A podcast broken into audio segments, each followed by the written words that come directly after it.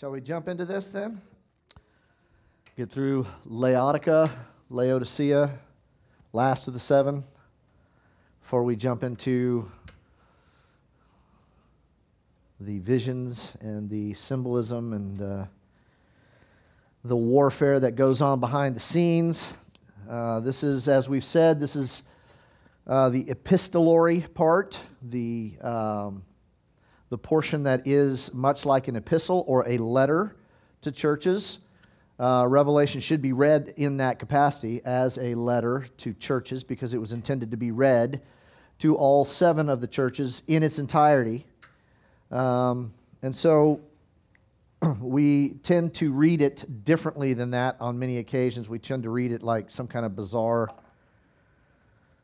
uh, thing, and it's, it's it's simply a, a letter that is to, to us today that says, hey guys, these are the things that are going on. These are the things that are happening. This is what's going on behind the scenes. This is what you need to be aware of. This is why you've got to be on, on point. You've got to be vigilant.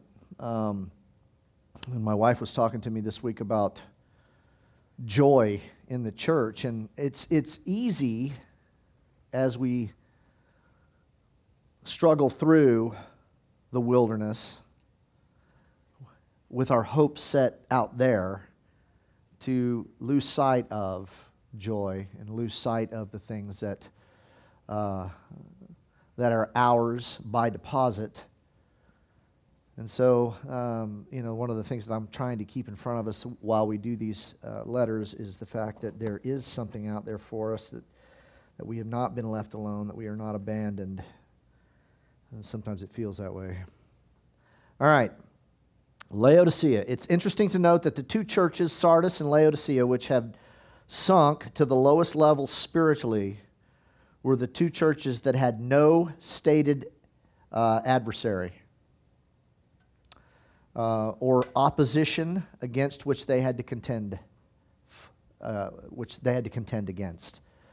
Laodicea and uh, Sardis had no opposition, and yet they were in the worst state of any of the of all of the seven.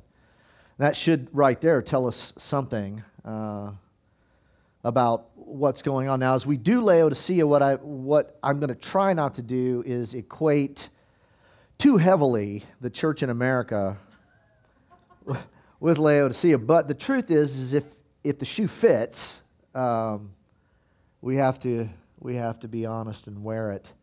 Um, anybody need notes? Grace is waving notes at me. Anybody have need Laodicea notes?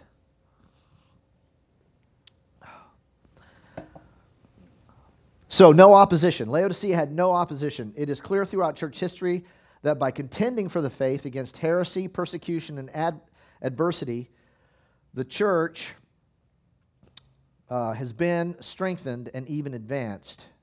Tertullian said, contending against the, these gainsayers when he was uh, struggling with heresy, contending against these gainsayers, the church has learned not merely to define more precisely, but to grasp more firmly and to prize more dearly the truth of which they would fain have deprived her. Uh, what would the church of the second century have been if she had not learned this, her strength and the treasure of wisdom and knowledge which she had in Christ Jesus in the course of the tremendous conflict with the Gnostics, which through, uh, through all the, that century she sustained. So, what he's basically saying there is, is that it's through the struggle, it's through the contending, it's through the, the adversity that the church solidifies their position. Without that, without those things coming against us, it's very easy for us to fall into what happened at Laodicea and what happened at Sardis. We'll become more and more grafted into the world around us and the culture around us. And uh, so, this is the message uh, of Laodicea. John Stott states perhaps none of the seven letters is more appropriate to the church at the beginning of the 21st century than this. It describes vividly the respectable, nominal, rather sentimental, skin deep religiosity which is so widespread among us today. so shallow, so superficial, so feel good. So, and, and I was listening every once in a while, and I don't know why I do this, it's kind of self torture, but every once in a while I'll buzz through the, the stations, the Christian stations, and see what they're teaching.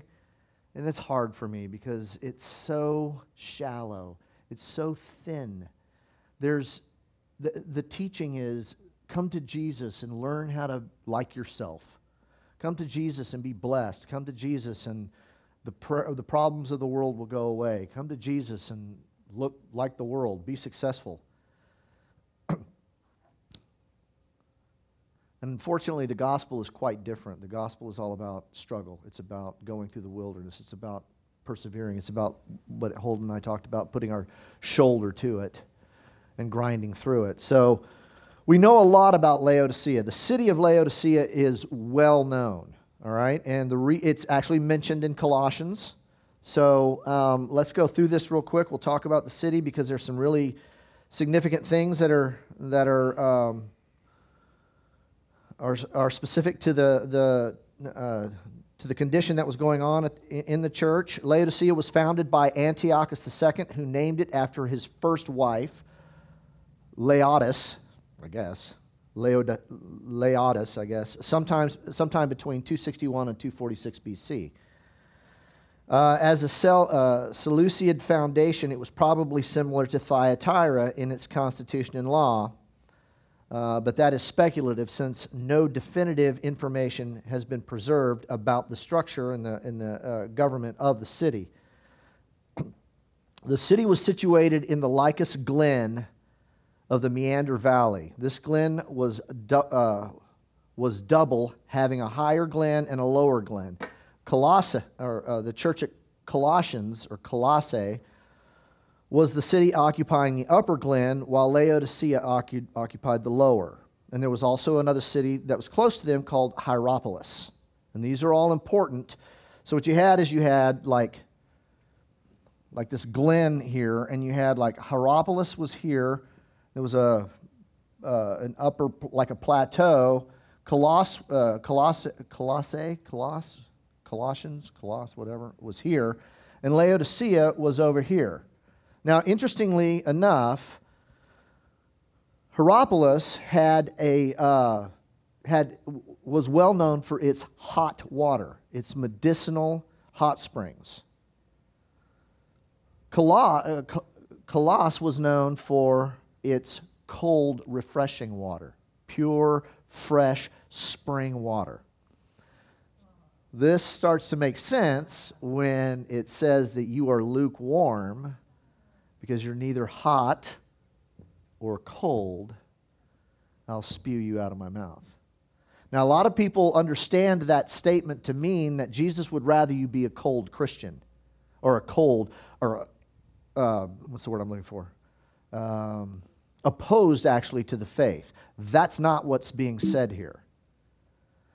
Both of these types of waters are used as for health benefits. Cold, refreshing water. Hot water that's medicinal. So the people would come from all over to go to the hot springs at Hierapolis because they were, they were health giving. Colossus was known for its cold, refreshing invigorating water. So, what Jesus is saying is, is I would rather you be invigorating, refreshing, or health giving. But because you have no fruit of the gospel at all in your life, because you are lukewarm, I will spew you out of my mouth. So it's not, I would rather you be a cold Christian. It's, I want you to have fruit. I want you to either be refreshing or medicinal. I want you to bring health or bring, bring uh, revival to people. That's what's being said here. So Laodicea had no water source of its own. And this was the, this was the rub on Laodicea. So what they had to do was they built an aqueduct six miles. And they piped in the water. And so by the time it got there, it was bucky. It was not good and the water around it was also very highly the water in the in the, the local water source couldn't be consumed because it was full of minerals and it would actually make you sick. It would actually upset your stomach. And so when Jesus says, You're neither hot nor cold, you're lukewarm, I will spew you out of my mouth, which the word actually means I will vomit you out. It's not a pleasant thing. God's not going like this. He's like. Laodicea, if you want to know what Jesus is actually saying, Laodicea upset the stomach of Christ. And the word is, I will vomit you out of my mouth. Because, and, so when the Laodiceans heard this, they understood that because when they drank the tepid water that was close uh, to them, they would end up getting sick and actually vomiting out the water. So I don't. That's I know it's crass, but uh, that's the truth. So Laodicea was uh, was in this predicament, but it was very close to both of these other two cities. Um, in the New Testament, these three cities of the Lycus Valley are mentioned uh, in Colossians. Colossians 4:13, Paul indicates that all three cities had within them a Christian church. It is deduced from Colossians 1 6 through 7 that while Paul was in Ephesus, Epaphra, or Epaphras carried the gospel to the Lycus Valley and primarily to Laodicea. It is probable then that at the time of his, uh, of his, uh, his writing to the Colossian church, Paul had not been to either of these, to any of these churches. All right? It is also known that Onesimus, and therefore the household of Philemon, were associated with the church at Colossus, um, or Colossae. Uh, but there are notable historians that suggest that Archippus, the son of Philemon, was uh, in a position of, of responsibility in the church at Laodicea. So this kind of draws out, you know, brings in a lot of the other scriptures.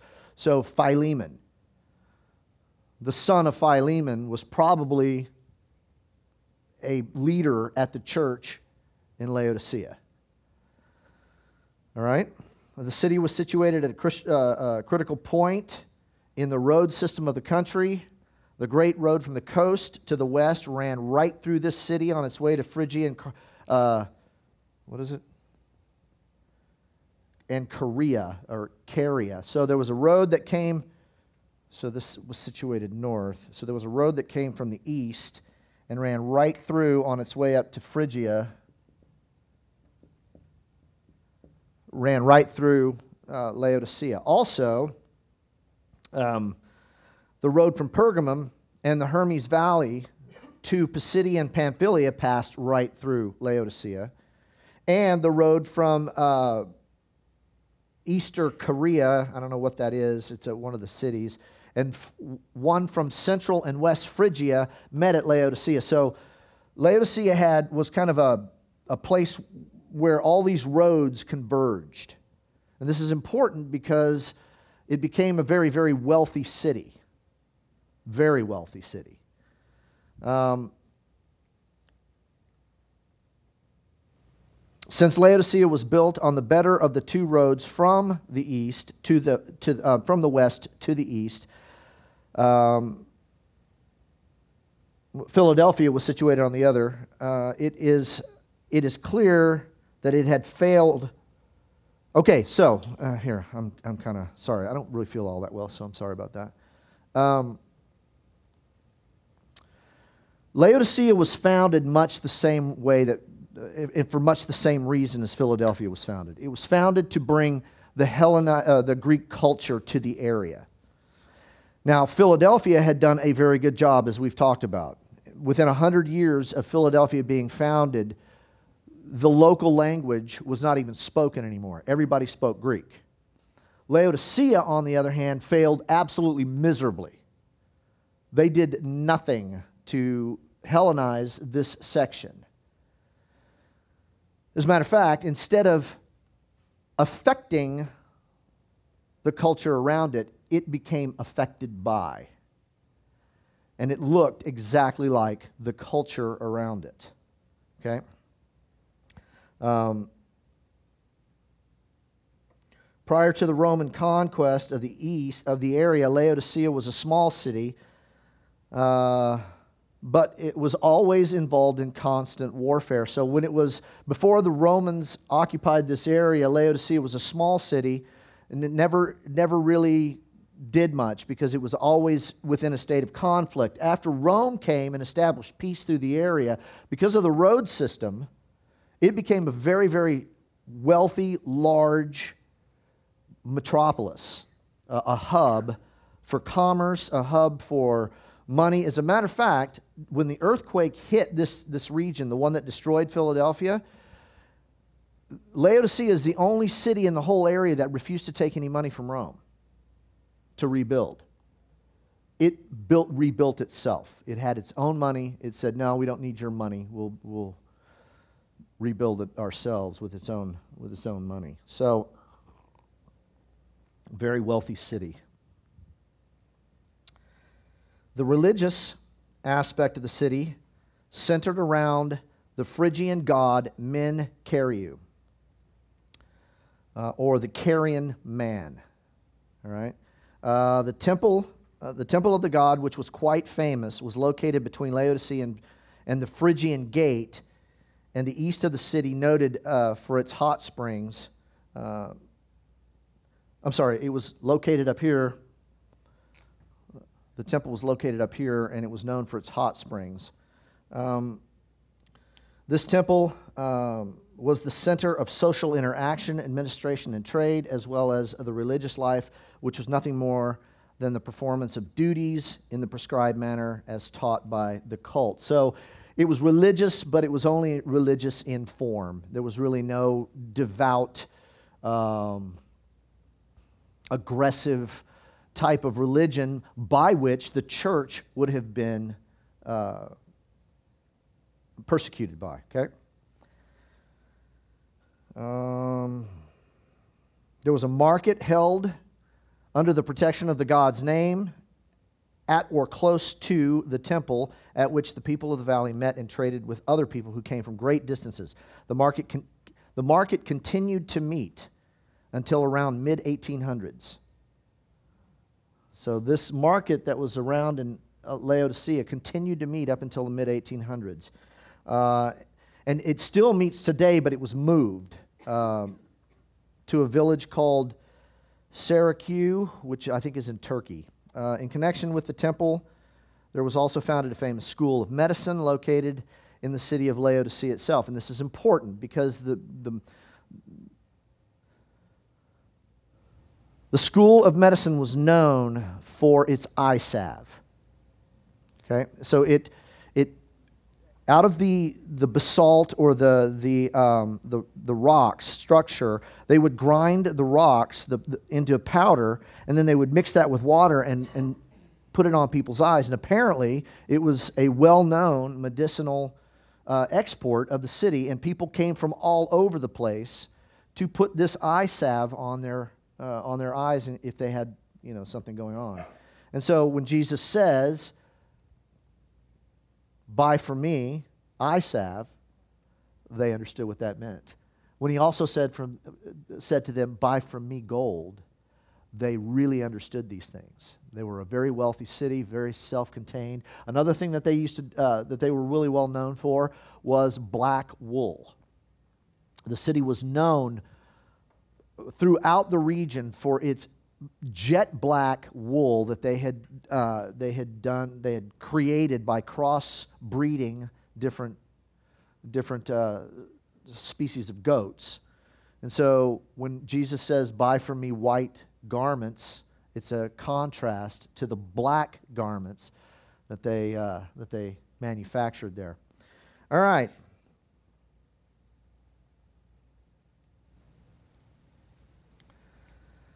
Ramsay says this about the city. Uh, Ramsay is a historian. He wrote a book that, that uh, uh, on the seven churches, and it is referred to by everybody. I I'm not a big fan of some of his theology, but his historical overview of what's going on with each one of the cities is invaluable. He says this There is no city whose spirit and nature are more difficult to describe than Laodicea. There are no extremes and hardly any strongly marked features, but in this lies a peculiar character. Those those were the qualities that contributed to, to make it essentially the, the successful trading city. The city of bankers and finance, which could adapt itself to the needs and wishes of others, ever pliable and accommodating, full of the spirit of compromise. And that was Laodicea. Wealthy, do anything to make a buck, uh, become anything that you might want, very pliable, very malleable in, in their culture. And that's, that was the rub on this church. And that's kind of, as we discuss it, we can kind of see how, uh, in many ways, the Western church has, has somewhat fallen along the lines of Laodicea. So let's, let's read the letter together. The letter is this And to the angel of the church in Laodicea, write the words of the Amen, the faithful and true witness, the beginning of God's creation. I know your works, you are neither hot nor cold. Neither hot nor cold. Would that you were either cold or hot. So, because you are lukewarm and neither hot nor cold, I will spit you out of my mouth. Mm, excuse me. For you say, I am rich, I have prospered, and I need nothing, not realizing that you are wretched, pitiable, poor, blind, and naked. I counsel you then to buy from me gold refined by fire, so that you may be rich, and white garments, as opposed to the black wool, so that you may clothe yourself and the shame of your nakedness may not be seen, and salve to anoint your eyes, which is a direct statement with regards to the school of medicine there, so that you may see. Those whom I love. Now, here's a church that is just a mess. Most, most commentators call it wretched. It is considered by most commentators to be just the apex of just bleh. It just it had nothing going for it. It was lukewarm, it was self-sufficient, it thought it was all of this. It looked just like the world, and yet some of the most touching statements are made by Jesus to this particular church. And he says this, "Those whom I love, I reprove and discipline." So be zealous and repent. Behold, listen to this. Behold, I stand at the door and knock. If anyone hears my voice and opens the door, I will come into him and eat with him, and he with me. The one who conquers, I will grant, grant him to sit with me on my throne, as I also conquered and sat down with my Father on his throne. He who has an ear, let him hear what the Spirit says to the churches. Okay, so we have just this wretched church that at one point Jesus is saying, I just, you, you make me nauseous. Repent or I'll vomit you out of my mouth. But I stand at the door and I knock. And if you'll listen, I will come in and eat with you. Now, this eating is a, is a big deal. It, it has to do with the Greek uh, uh, evening meal where they lounged and they dialogued, and it was a very, very intimate affair. And so that's what Jesus is saying here. Let me in. We will have intimate fellowship together, which is quite amazing. You see the juxtap- uh, of one minute Jesus is like, Oh, you make me nauseous. Then the next minute he's knocking at the door saying, Please open the door. And I'll come in and sup with you. So that's, that's quite something that we can take away from that. All right, let's, let's uh, jump into the letter. Overview information. Colin Hemer points out that several unique characteristics of the letter, uh, that there are several unique characteristics to this letter. Um, the self descriptive descriptive words of Christ here are not drawn from the initial vision, uh, vision of him in chapter 1. And it's the only church where that is the case. However, G.K. Beale does see some parallels, and we'll, we'll get to that eventually. But there's no direct statement, I am the one, I am the Amen. That's not drawn from chapter 1. It's the only church where Jesus describes himself apart from what he says, what is said of him in chapter 1. All right? Um, there are also no obvious parallels with the final vision of the New Jerusalem. So at the end, he who conquers, there's always these images of, uh, of the new creation. This one, there is not. Um, while the other six letters fall, uh, fall by subject and or characteristics into three pairs, this letter has no clear connection to any of the other ones. It is like this solo entity out here. Like there's Sardis, um, and uh, see, if you go through them, you can you can draw a parallel. And I was going to write that down, and I didn't do it, so I apologize.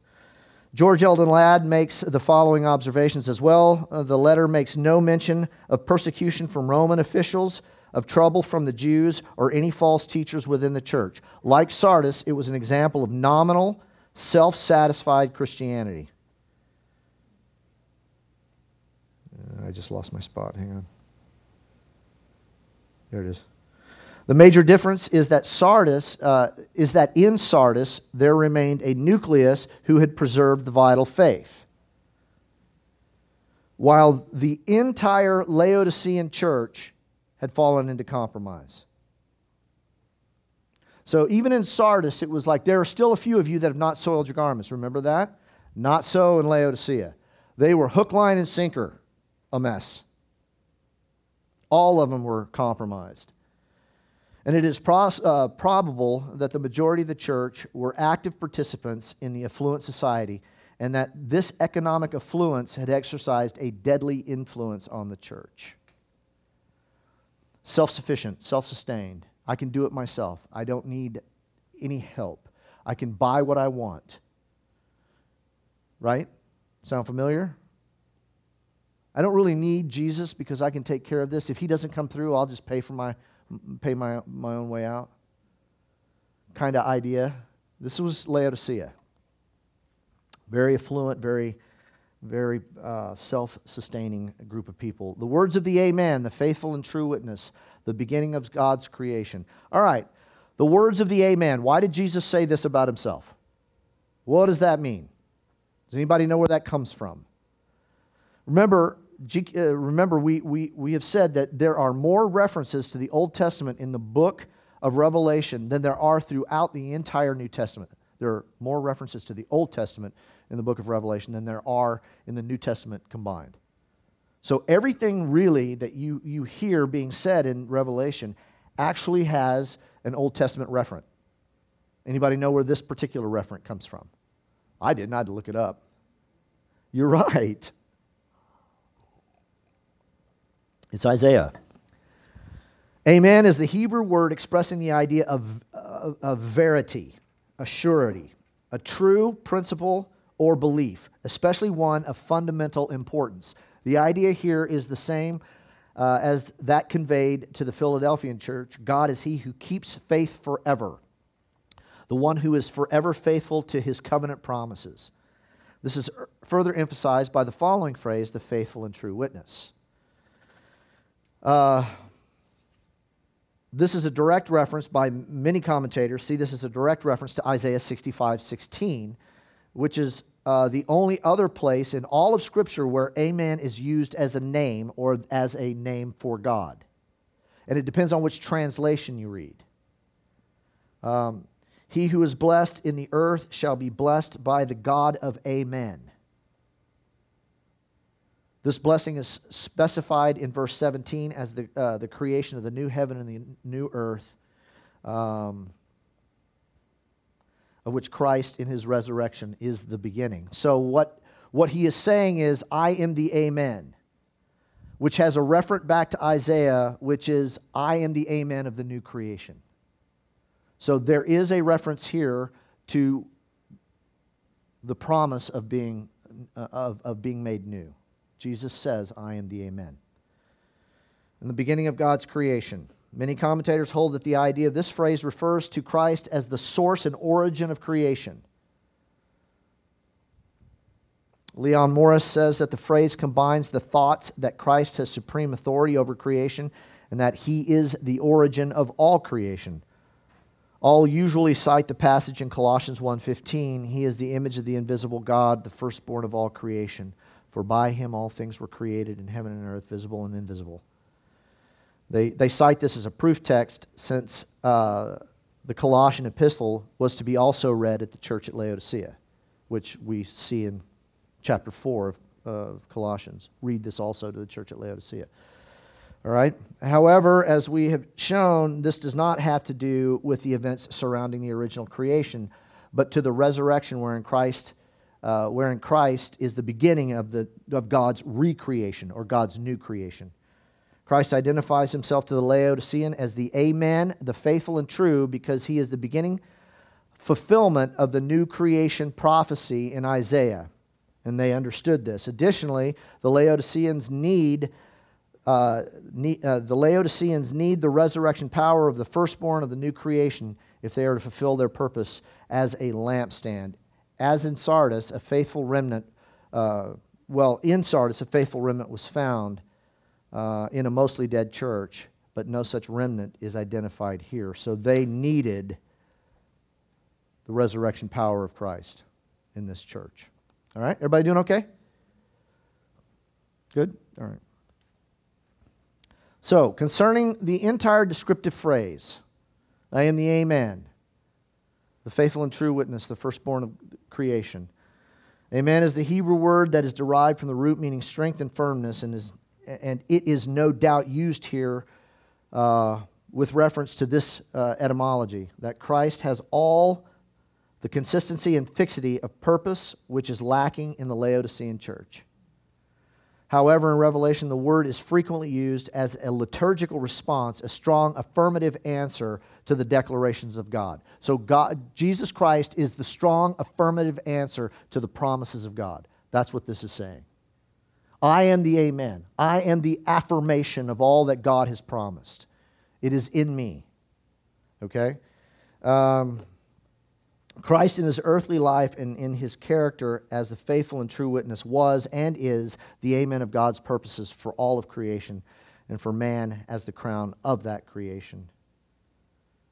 So, therefore, Christ is called the beginning of, uh, of God's creation because when God set in motion the creative process, through Christ, the intention was for mankind to become like Christ. When the first Adam failed, Christ, as the second and last Adam, fulfilled the purpose of God. He is the Amen.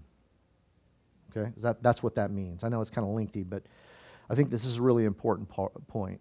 He is the Amen of God. Jesus Christ is the affirmation of everything that God has promised. It is in Him that we have, that as, as is said, he is the yes and amen to all of God's promises. It is this Christ who addresses the Laodiceans, calling them to find their true strength and wealth in the recreating love of God through Christ Jesus. I know your works. You are neither hot nor cold. Would that you were either hot or cold. So, this is where a lot of people get stuck. This is where you'll hear people say, well, Jesus would just rather you be completely opposed to him than lukewarm. No, that's not true. That's not what's being said here. Again, this has to do with being fruitful and being profitable toward the things of the kingdom. Either you are cold, refreshing, and you bring revitalization, or you are hot and medicinal and bring health.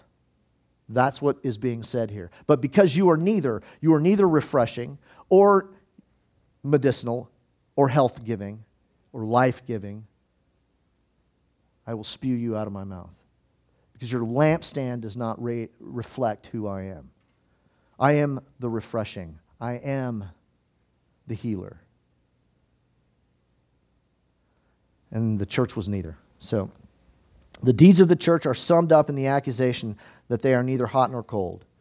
So that's why there's nothing stated after this. I know your works, period. They're not good.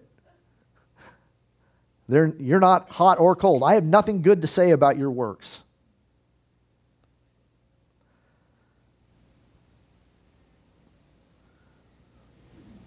It is of note that none of these tepid works are even mentioned, since, none, uh, since apparently none of them have any merit. The imagery here may be derived from the water supplies of the city, which we've already talked about. Um, hot water heals, cold water refreshes. Uh, this is understanding leads to many commentators to state that the church was here judged for its ineffectiveness rather than its half heartedness or for its barrenness. Okay? It was ineffective. That's what this is, being, this is said. You are ineffective as a church. You reflect nothing of who I am. And because of that, you, you upset my stomach. Right? So, this seems to be the preferred understanding since it, removes the obvious issue wherein it would seem otherwise that Christ would prefer outright hostility toward him, which I don't know how many times I've actually said, right? I've actually said that. Well, Jesus says that he'd rather you be cold than, and when I started studying this, I went, wait, that's really a funky thing to say if you really think about it. Jesus would rather you be hostile toward him. Uh, no. He'd rather you reflect Him and bring about a quality of change, that you be salty, that you be light in a dark place, that you bring refreshing, that you bring health. And if you, because you don't do any of this, because you look exactly like the world, I, I will spew you out of my mouth. In other words, this section could be read I know your works. You are neither refreshing nor healing. Would that you were either refreshing or healing. So, because you are neither, and because you have no true witness of me, I will spew you out of my mouth, or I will come and remove your lampstand. That's what's being said here. All right? So, because you are lukewarm and neither hot or cold, I will spew you out of my mouth. Uh, we've already spoken about this. Lukewarmness is the worst condition to which a church could sink. The only good thing in the Laodicean church it was its opinion of itself. The only good thing in the Laodicean church was its opinion of itself. Go ahead. Wait, who's got the mic?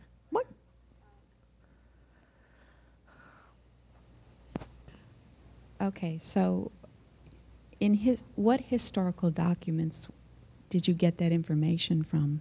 as far as this placement and these waters that are healing and all that? Uh, Ramsay. I know he's an historian, but what documents would he have used? Uh, I, I, I don't know. I didn't read his bibliography, but there's it's it's. Uh, I mean, it's not just him. It's Hemer. It's G.K. Beale. All of them go through uh, the documentation that, uh, of this of the situation. Like I said at the beginning, there is more known about this city and the situation and condition of this city than there are of all seven churches. This, uh, so, just so you know, is well documented historically. Well documented. Um, I would invite you to look at uh, a book by Colin Hemer, which is, uh, um, I think he's an Anglican, but he has done extensive research through all the historical documents. Ramsay has done it as well. Um, and all of the commentaries that I have cite both of those, those books. So we know this to be well documented historical information. So, as a matter of fact, I had to cut out like a page and a half of information just on the city because I was like, well, this is turning into a history lesson. And I didn't want to do that because there is just volumes of knowledge of what went on in Laodicea okay? Volumes. So we know a lot about the city. Um, the words here do not necessarily imply a final intention. Uh, I will spew you out of my mouth, you're lukewarm. These do not necessarily imply a final uh, intention, which is borne out by the rest of the message to the church. Behold, I am about to spew you out of my mouth. I will because you're nauseating. However, because I am also a God of repentance, I will give you a chance to repent. Behold, I stand at the door and knock. And this knocking is not like,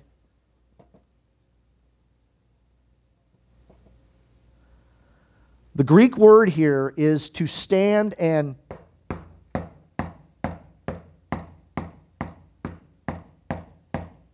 just continually knock at the door. And not only that, but the image is Jesus pressed up against the door which is a very uh, warm image of him with his ear pressed to the door, leaning into the door, knocking repetitively. Please come. Please open the door. So, although this church nauseated him, it's not the final state. I will, I will if you don't repent, I, I don't have a choice. You do not reflect who I am. But please repent. Hear the knock. Open the door. Anyone who opens the door to me, I will come and I will have communion with him. Intimate, personal, one on one communion with him. That's the picture. So, again, we see this just, just, uh, juxtaposition of being nauseated, but at the same time being gentle and affirming and loving and wooing is the word. Come, come back. Like, like, a, like we see in Hosea, really, for a wayward bride. Hosea went and wooed her back. Come back, come back. And this is the picture that we see here of Jesus knocking at the door. For I say, for you say, I am rich, I have prospered, I need nothing. But you don't realize that you are wretched, pitiable, poor, blind, and naked. Now, in the older cultures, being naked was one of the most humiliating things that could happen to you. That's why when you were hung on a cross, you were hung naked.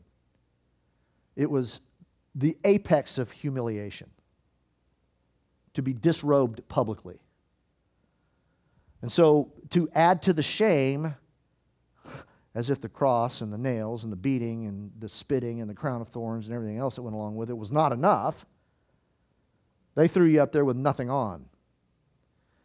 So, that was the just the highest level of humiliation. So for Jesus to say, Buy from me garments because you're naked, is a cold splash of water in the face. It is like, bam, you're naked. You don't even realize how ashamed, ashamed you are, how, how shameful you, you've become. You stand before me naked. You think you're clothed, but in reality, your shame is being, being announced to the world. Everybody can see it. You're naked. So that's a pretty, pretty big thing for Jesus to say. This church is the image of its city reversed in a black negative. Financiers, physicians, and clothing manufacturers are among the city's notable citizens, but they are poor, blind, and naked.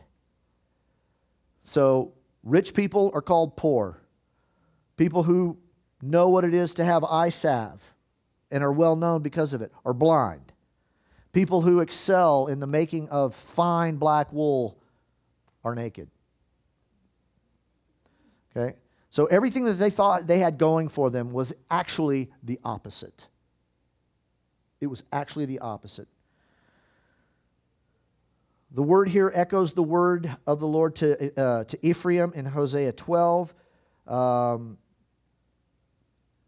who were in the similar, similar con, uh, condition. In, Ephraim, um, in uh, Hosea, it is said, Ephraim has said, Ah, but I am rich. I have found the wealth for myself. In all my labors, they cannot find in me iniquity and sin. This is what the Laodicean church thought. They thought, well, we have everything going for us. We, we're medically cool. We got lots of money. We, we're self sufficient. We're self contained. All of this stuff is going for us, right?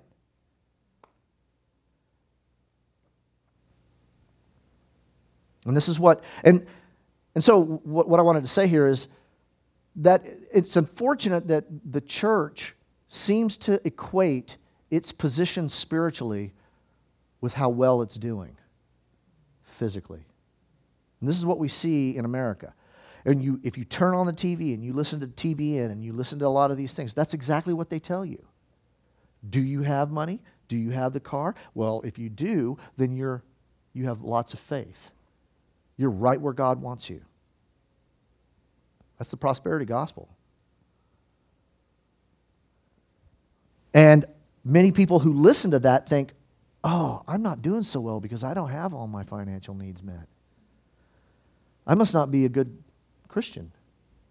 I must be lacking in faith. I must not be as far along in the gospel as these people are. This is Laodicea. This is exactly what they thought. I have arrived. I am doing everything right. I'm blessed. I have all of this stuff. And Jesus said, No, no, no, no. You're wretched, pitiable, blind, naked, and poor. And the funny thing is, is that the Philadelphian church that were actually poor, Jesus basically said, You are rich. So we have to, we have to realize that we can't look at our circumstances and equate what God thinks of, of, of us by that. And I'm guilty of it. I do it all the time. And my wife is grinning right now. Um, because I do it all the time. I, uh, you know, you, you get into those positions where you go through something, you go, did I miss something? Did I, did I, is God angry? I mean, has he turned away from us? Did I completely miss the boat? Why am I here? Why did this happen? What's going on? And we do that because, in so many ways, we equate our conditions spiritually with the circumstances that we find ourselves in. And we can't do that.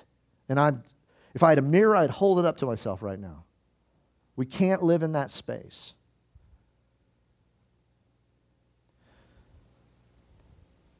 All right? And that's, that was the big issue with the Laodicean church. Because we see in Hosea what Jesus says, what God is saying by Hosea to Ephraim. You say, I am rich. There is no iniquity in me. See that parallel? I'm righteous because I'm well off. I'm doing good in God's sight because I have all of this stuff. But later on in the verse, verse 14, it says, Ephraim has given bitter provocation, so his Lord will leave his blood guilt on him and will repay him for his disgraceful deeds. So here's Ephraim, Laodicea. I have arrived. I'm there. There's no iniquity in me. And Jesus is saying, You are poor, wretched, and blind, and I will hold your blood guilt to your account. And it's the very opposite that we see throughout these churches that we would equate as being, well, we must not be doing it right. This must not be the way God has it intended for us because we just we keep running into a wall. We keep hitting head, headlong into this and blah blah blah blah blah blah. I'm broke. I don't I don't have this. this. And God said is basically saying through us uh, to us through these churches, you can't equate my love and who I am for you by what you see going on around you. Okay? So, this is the message. This phrase indicates uh, that the church, though it had achieved spiritual riches, thought it had achieved spiritual riches because it had attained material riches. They equated their spiritual condition with their material prosperity. Additionally, the phrase indicates by the use of the first person pronoun, I, that the church was be- boasting not only of these things, but of prosper- uh, prospering because of their own efforts. I have become wealthy. I have done all this stuff. It's all about me. I make myself wealthy. I make myself rich. Therefore, I must be in a good space. And you hear that now from many pulpits. You hear this.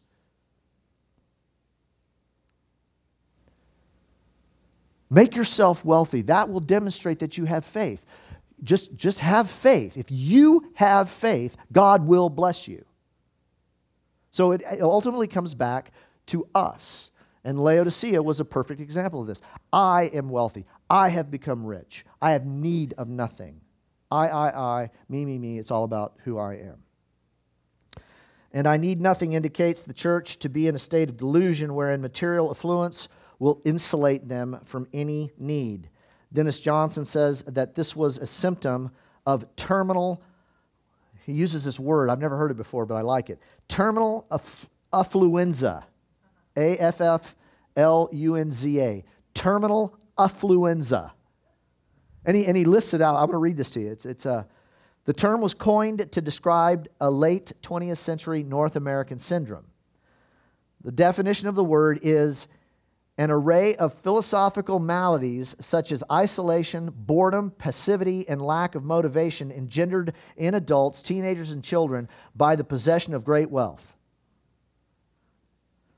It is an unhappy condition of overload, debt, anxiety, and waste resulting from the dogged pursuit of more, more, more. This church had spiritual affluenza. And I think in a lot of time, in a lot of ways, the American church also has that. We're, remember what Jesus said in Matthew? We just spoke about it. Why do you worry about all these things? Why do you run after all of these things? Who does that? The Gentiles. But know this that your Father knows what you have need of before you ask of it and He will take care of it. Have you ever noticed the Lord's Prayer? Give us this day our daily bread. That's it. That's all that is said in that prayer about our own personal needs. Father, you know that I have need today of these things. Provide for me this day what you have for me. How many of you decide what God needs to bless you with? Well, I do. I do all the time. You really should work this thing out for me. Um, but the, the, the, passage seems to indicate that not only does God provide your, for your needs, He determines what that need is. And then he, he brings about provision in accordance to His foreknowledge and His righteousness. And we so often say, oh, Lord, I need, you know, this. I got to have that. I got to. And, and the, when Jesus taught the disciples to pray, He said, pray this way Give us this day our daily bread. Period. Provide for us this day.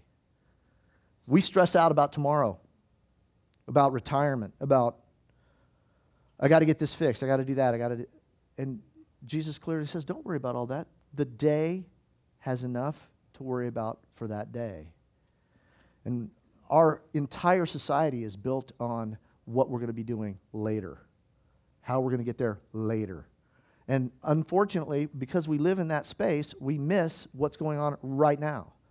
We miss the opportunities to, to function in what God has for us right now. I am horrible at this because I'm an action guy. I'm always going, I'm, I'm going, I'm going, I'm going. And so my wife tells me all the time, you should slow down. Let people in right now because I'm thinking three weeks down the road, four weeks down the road. And I run right by opportunities all the time without seeing them. So, this is what terminal affluenza means it means that you have an array of psychological maladies, isolation, boredom, passivity, and lack of motivation, which is engendered by the ever present pursuit of more, more, more. However, it should be noted uh, that in this in the other instances where the word rich is used in this context, it describes those who have prospered by association with the world's antichrist system.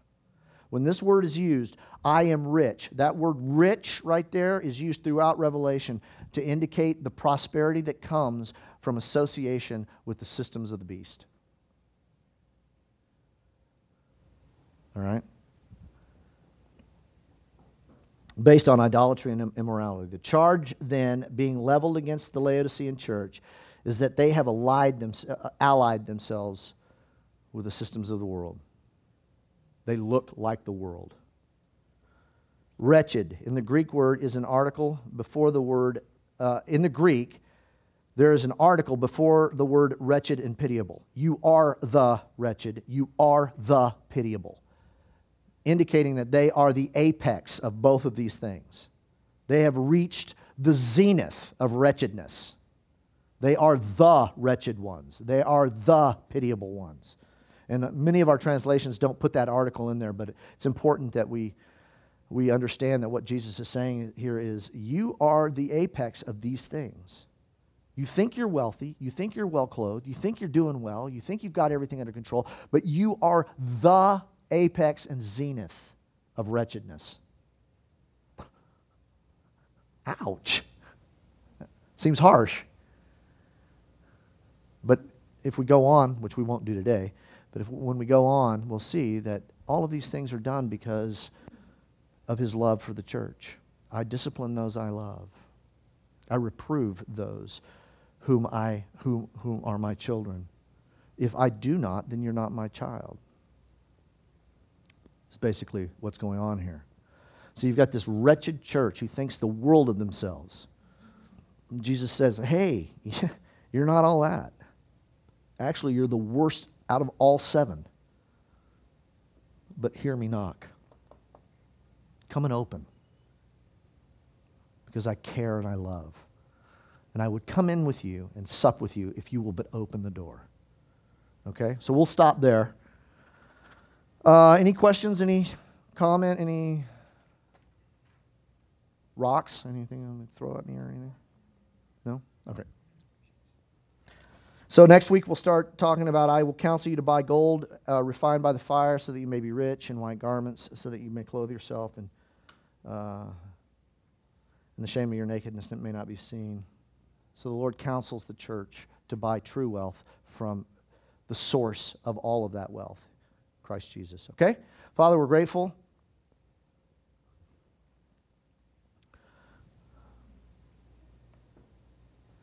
Help us, Lord, to see things rightly, to understand the, the times that we live in. Give us wisdom, Father, on how to work to your glory through all of this that we see on, uh, going on around us. In Jesus' name, amen.